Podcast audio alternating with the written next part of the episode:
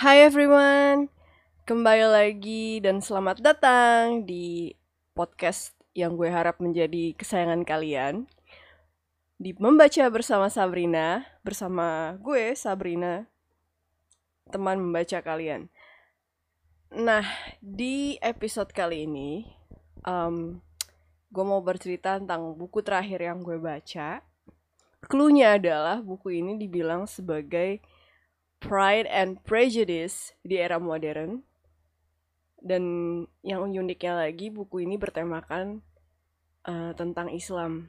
Jadinya gue kayak semakin penasaran kan. Terus ternyata setelah gue mencoba membaca buku ini, gue mengalami tiba-tiba males baca.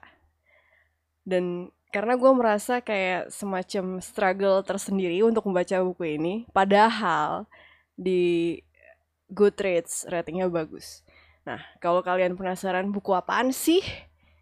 Jangan ke mana-mana. Stay tuned.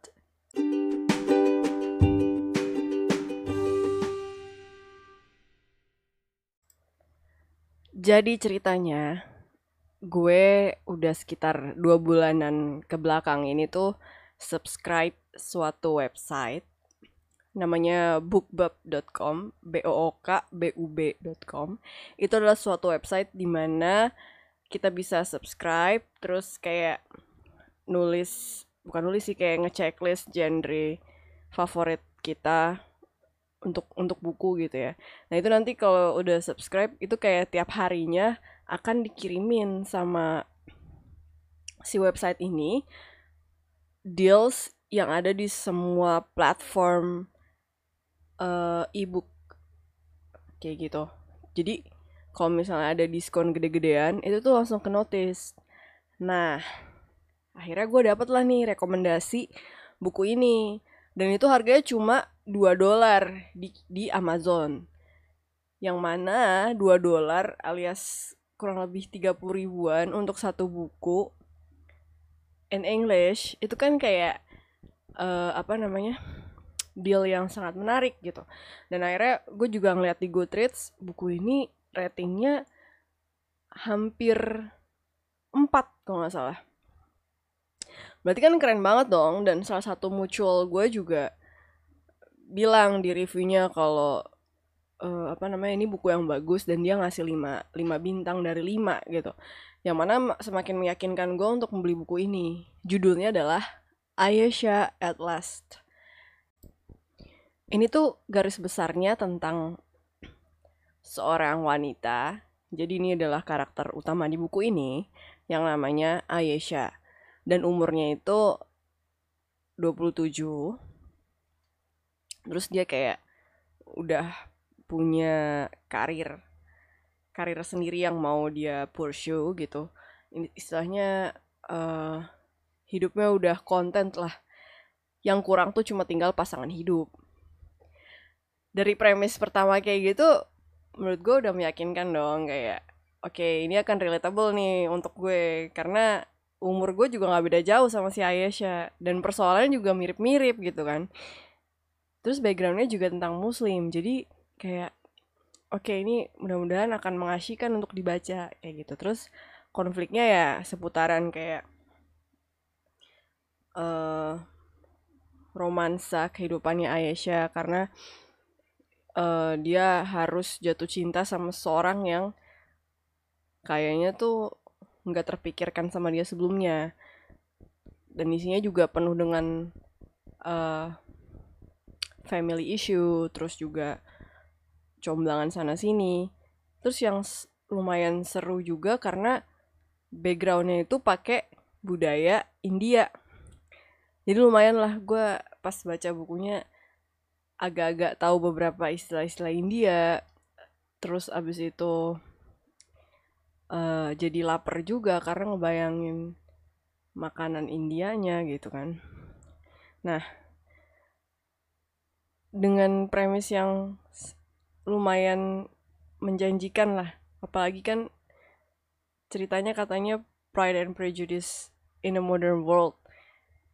Gue kayak berpikir oke okay, ini akan uh, akan keren banget lah uh, bisa menghibur dan mungkin bisa memberikan insight baru buat gue Tapi ternyata, pemirsa, kadang-kadang kita tuh memang suka berharap sama sesuatu dan pada akhirnya suka mengecewakan gitu.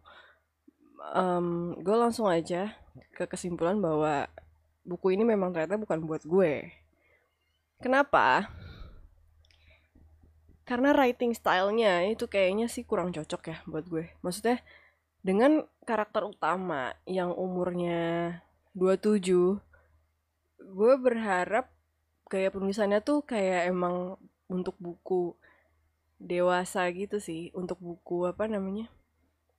Ya writing style pada umumnya lah kalau buku-buku dewasa. Mungkin gue berharap writing stylenya tuh model kayak Margaret Atwood mungkin atau ya kayak Tara Westover gitu kan atau mungkin kayak uh, Gail Hanneman yang ngarang buku Eleanor Oliphant is completely fine. Gue berekspektasi seperti itu, tapi ternyata bukunya itu writing stylenya kayak metropop atau mungkin kayak teen lit sehingga bagi gue agak keringi gitu mohon maaf nih mbak Usma Jalaluddin saya tidak bermaksud untuk uh, mocking buku Anda, tapi memang ternyata buat gue ya kok cringe banget gitu.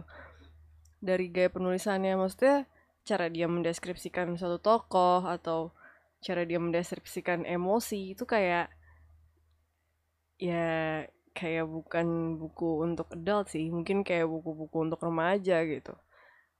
Dan bahkan terakhir kali gue baca buku kayak semacam metropop atau ciklit dan tinlit itu itu kan kayak zaman gue waktu SMA ya. Ya beberapa tahun yang lalu lah. Satu dekade yang lalu lah. Itu uh, yang gue baca terjemahan karyanya Mike sama Sophie Kinsella. Dan gue ngerasa kayak kayaknya tata bahasanya nggak sekeren itu juga gitu. Jadi kayak mungkin emang Mbak Usma ya kurang cocok aja buat gue gaya penulisannya.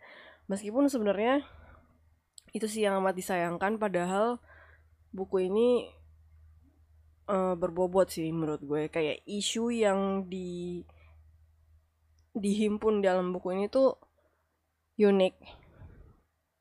Karena jarang gue jarang menemukan buku apa namanya buku fiction yang bertemakan uh, romansa Islam dan ratingnya gede di Goodreads tuh gue jarang menemukan. Kayak gitu. Jadi ya sebagai gambaran eh, isu-isu uh, yang dihimpun di buku ini sih ada tentang rasisme.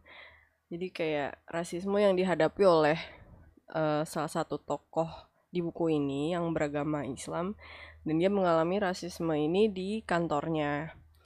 Dan dan karena ini settingnya di Kanada jadi mungkin uh, Islam di sana masih masih minoritas sorry.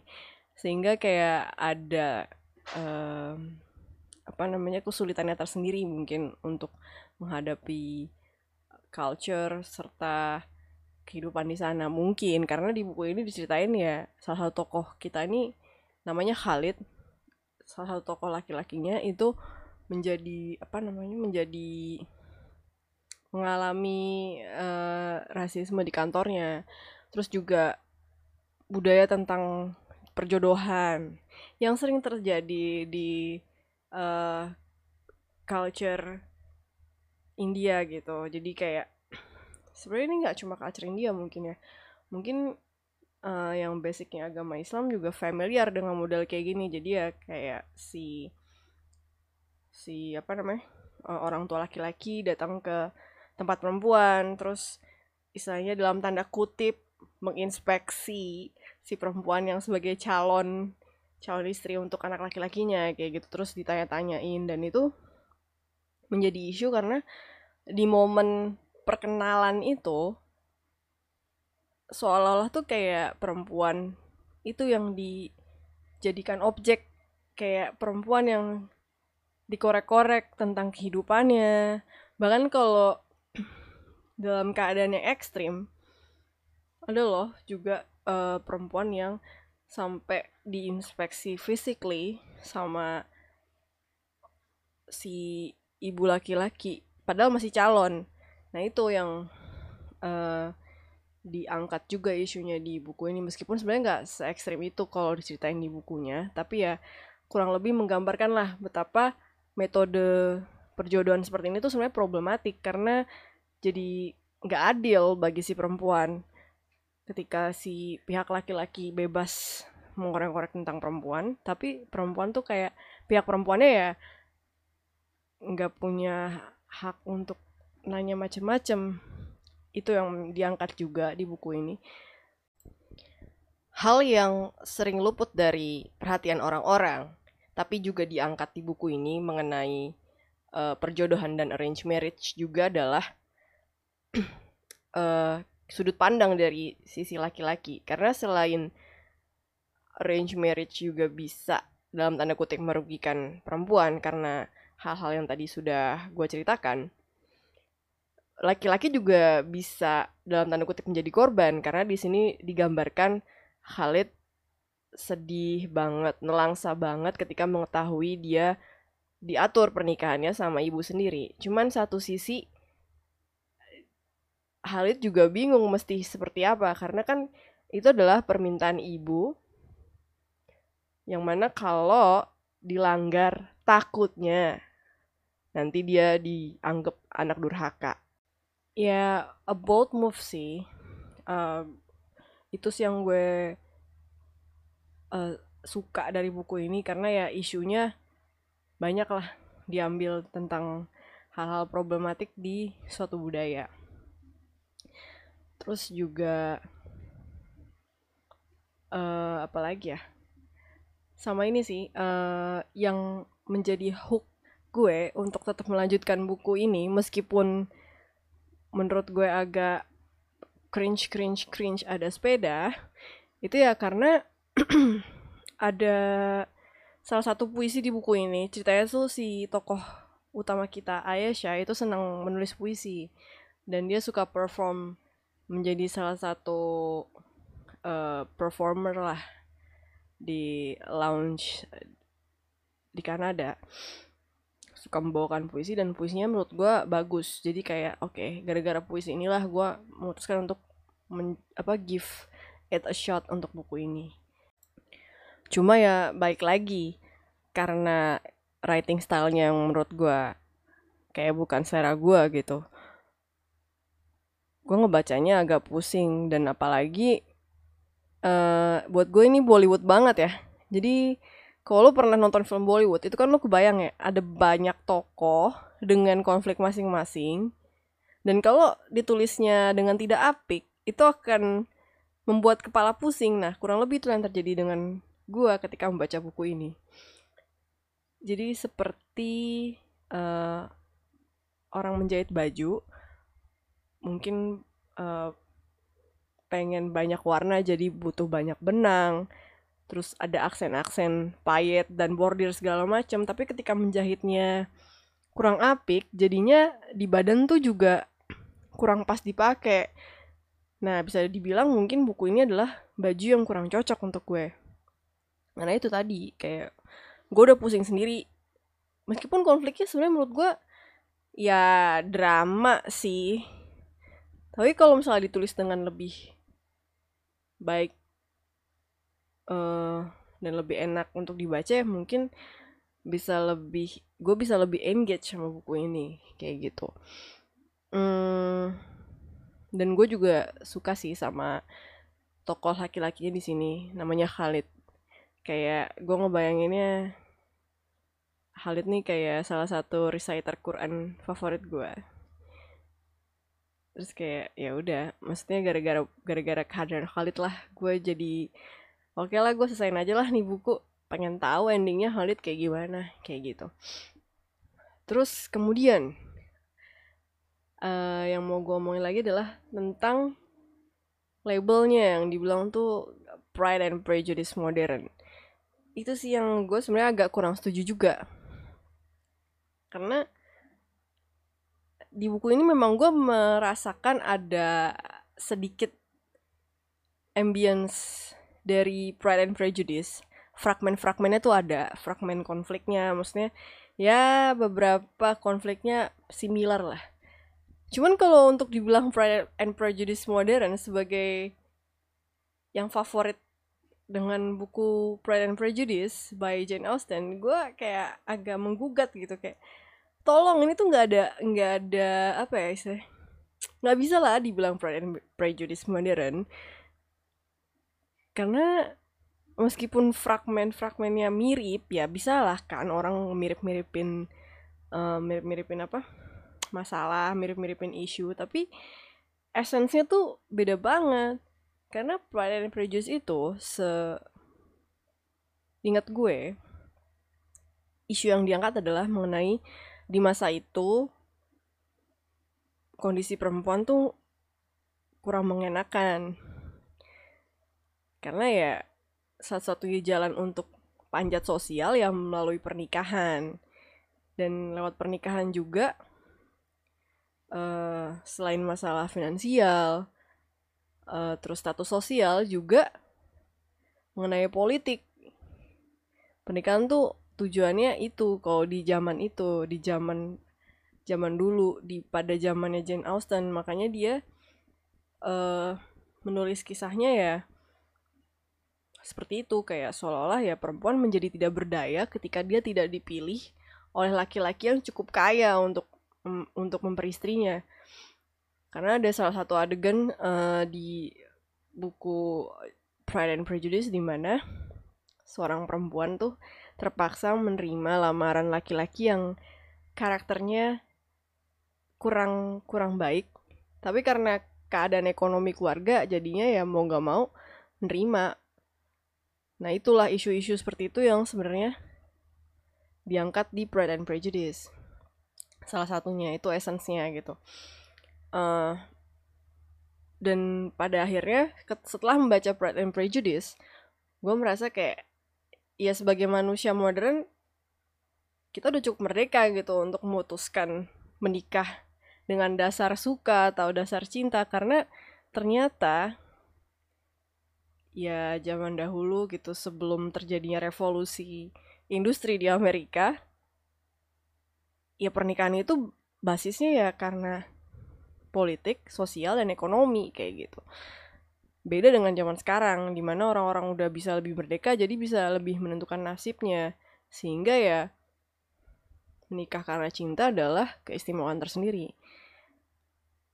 Nah, balik lagi ke Ayasha Atlas karena setting Ayasha Atlas ini adalah setting di dunia modern.